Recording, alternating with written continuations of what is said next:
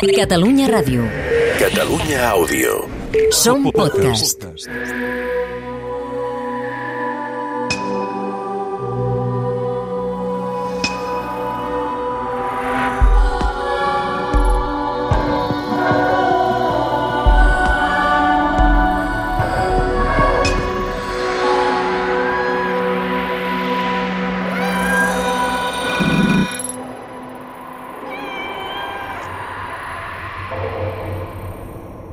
Quan mon marit ja roncava, sense fer soroll vaig sortir del llit. Llavors em vaig posar conilla, em vaig untar tot el cos i cavalcant l'escombra vaig sortir volant xamanella amunt. L'última bruixa, episodi 2, els ocells.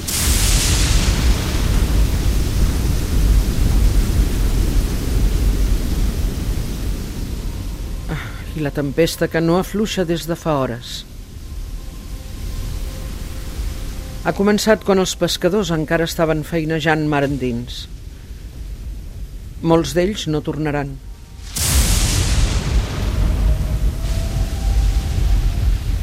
Ho saben les seves dones, que resen dins de casa. Ho saben, però tot i així, preguen demanant la salvació dels seus homes, ja ofegats.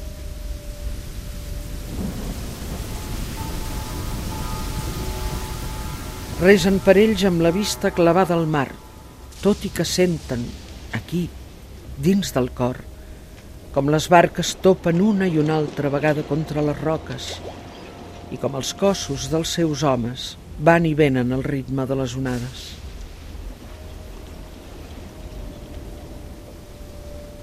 Sant Feliu de Guíxols, segle XVII. Per un moment he passat por. Acabo d'arribar al poble. Una dona sola, una dona de la meva edat. Però ja han trobat la culpable, com sempre. I aquest cop és la vella captaire. La vella que demana el moin al barri dels pescadors. Aquella que rep dia sí, dia també, les burles dels nens que corren pels carrers buscant víctimes. Com pot ser que Déu ens enviï una tempesta així? Déu no, el dimoni! Ha estat ella, la vella que ens té rancúnia. Aquells dies que no va aparèixer pel poble, diuen que la van veure volant direcció al coll de Malrem. Sí, sí, allà al costat de Veget. Diuen que és allà on fan la calarra cada any. Segur que la vella ha demanat ajuda a les seves amigues bruixes per castigar el poble amb una tempesta com no s'havia vist mai a la vida. Fa tantes hores que dura el diluvi, fa tantes hores de llamps i trons, que els monjos de Sant Benet es preparen per combatre el conjur de les bruixes amb aigua beneïda i alçant la vera creu.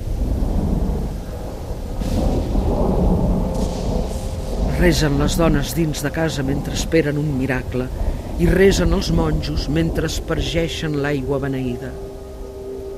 Aigua contra aigua.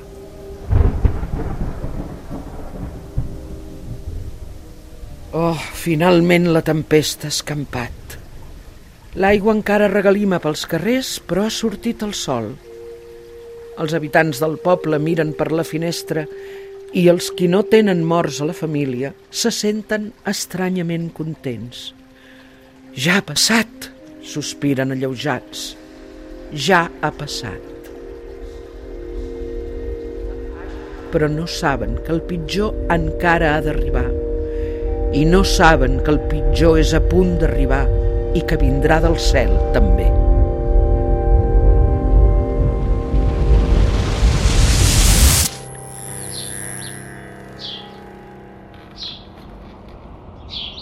Ja surt el sol.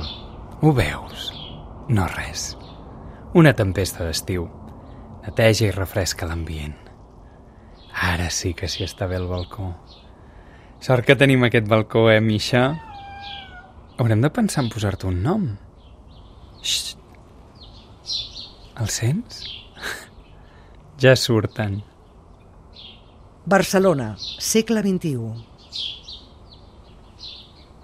On s'amaguen els ocells quan hi ha una tempesta com aquesta? Perquè no crec que es quedin a les branques dels arbres aguantant la mullena. A algun lloc deuen anar per resguardar-se. Ara que gairebé no hi ha cotxes tornen a sentir-se. O potser és que n'hi ha més que mai. Ara que nosaltres no podem sortir al carrer, se l'han fet seu.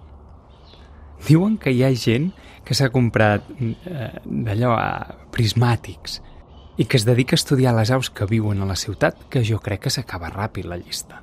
Coloms, oranetes, algun pardal, les cotorres verdes aquestes que viuen a les palmeres i les gavines. Gràcies a una gavina furiosa ens vam conèixer, tu i jo, Misha. El primer dia del confinament va ser. No sé què li havies fet, però et perseguia ben enfadada i intentava picar-te el cap amb el bec. Instintivament et vaig fer un senyal, vine. I tu em vas entendre? Em vas entendre. Et vaig donar refugi i vas decidir quedar-te amb mi. Per què et perseguia? Jo les he vistes perseguir coloms, atacar-los en ple vol, fer-los caure a terra i destrossar-los amb el bec. Però un gat? Perdó, una gata. En aquell moment no ho sabia que eres una gata.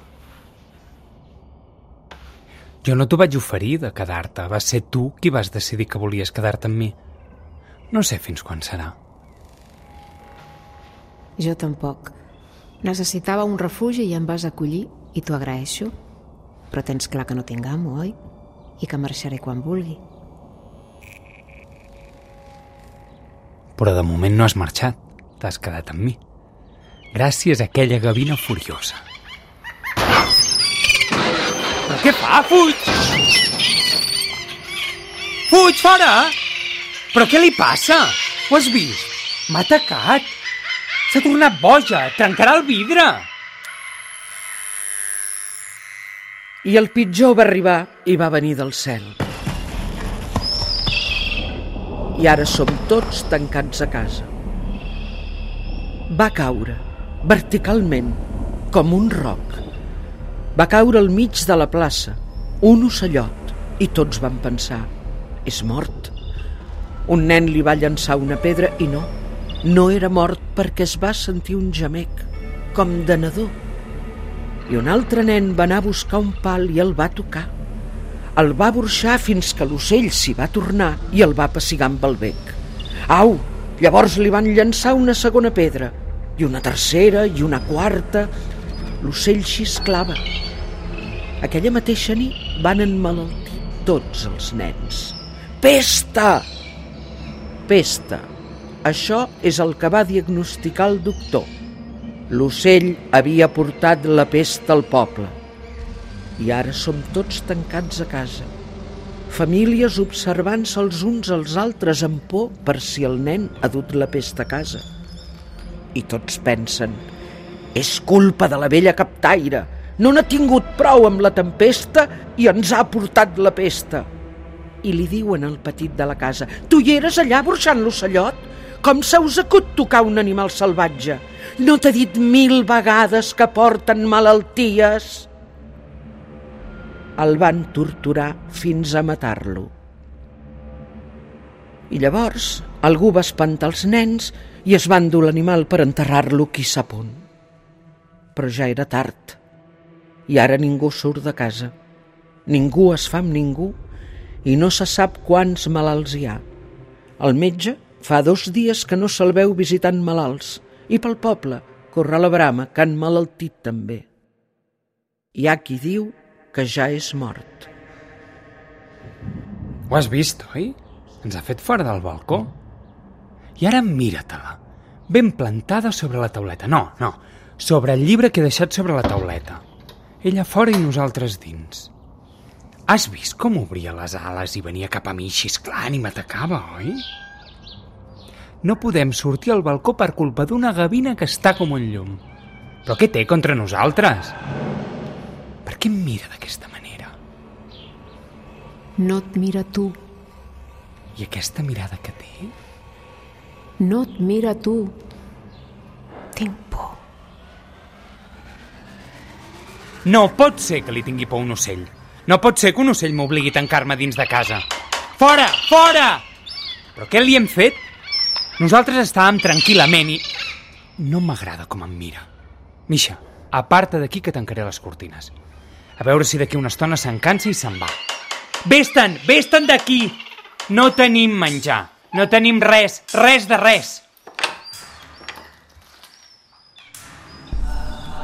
És ell. És ell. M'ha seguit fins a aquest poble i fins a aquest segle. I ara està forjant un gran ocell de ferro. Els ha dit que quan acabi l'ocellot i el col·loquin al balcó que dona la plaça, la pesta desapareixerà. I al poble la desesperació és tan gran que s'ho han cregut. Potser sí que ho farà.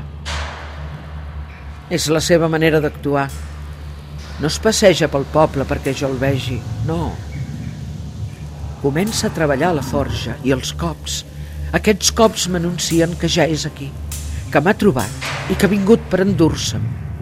Vol que surti d'on estic amagada i si per aconseguir-ho ha d'acabar amb la pesta, ho farà sense cap problema. No li importa la gent, els morts, els malalts.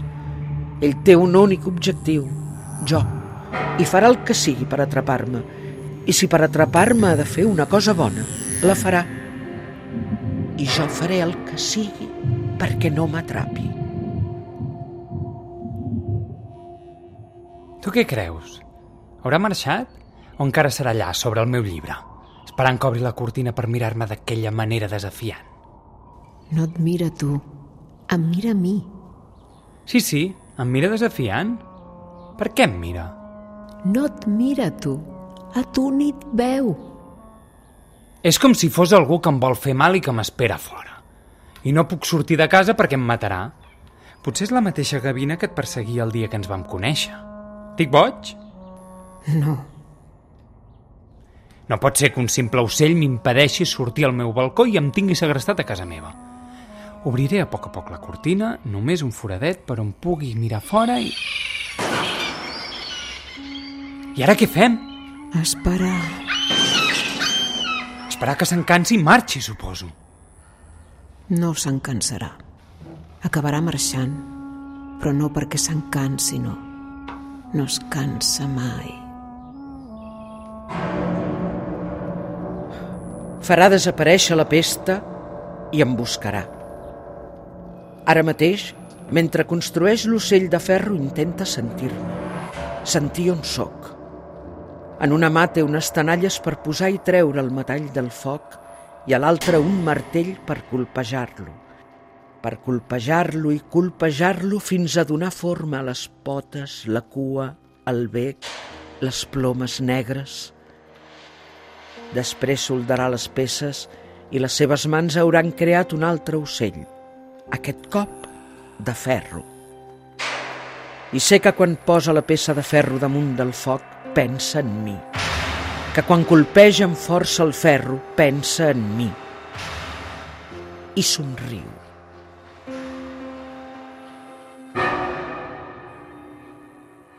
Sé exactament què voldria fer amb mi. Sé que voldria picar-me al cap una i una altra vegada fins que el mal m'afluixés les cames i caigués a terra. Llavors, amb el bec, amb un moviment precís, em trauria un ull i se l'empassaria. Potser m'arrencaria algun trosset de carn per tastar-la només. Soc massa grossa perquè em vulgui menjar sencera. I abans de marxar i deixar-me sola, morint-me, es giraria i somriuria. Com somriuen les gavines.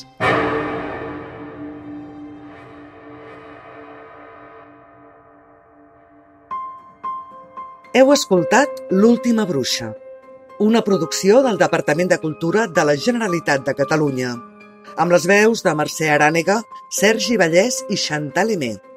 Guions d'Anna Maria Ricard Codina. Direcció de Sergi Vallès i Anna Maria Ricard Codina.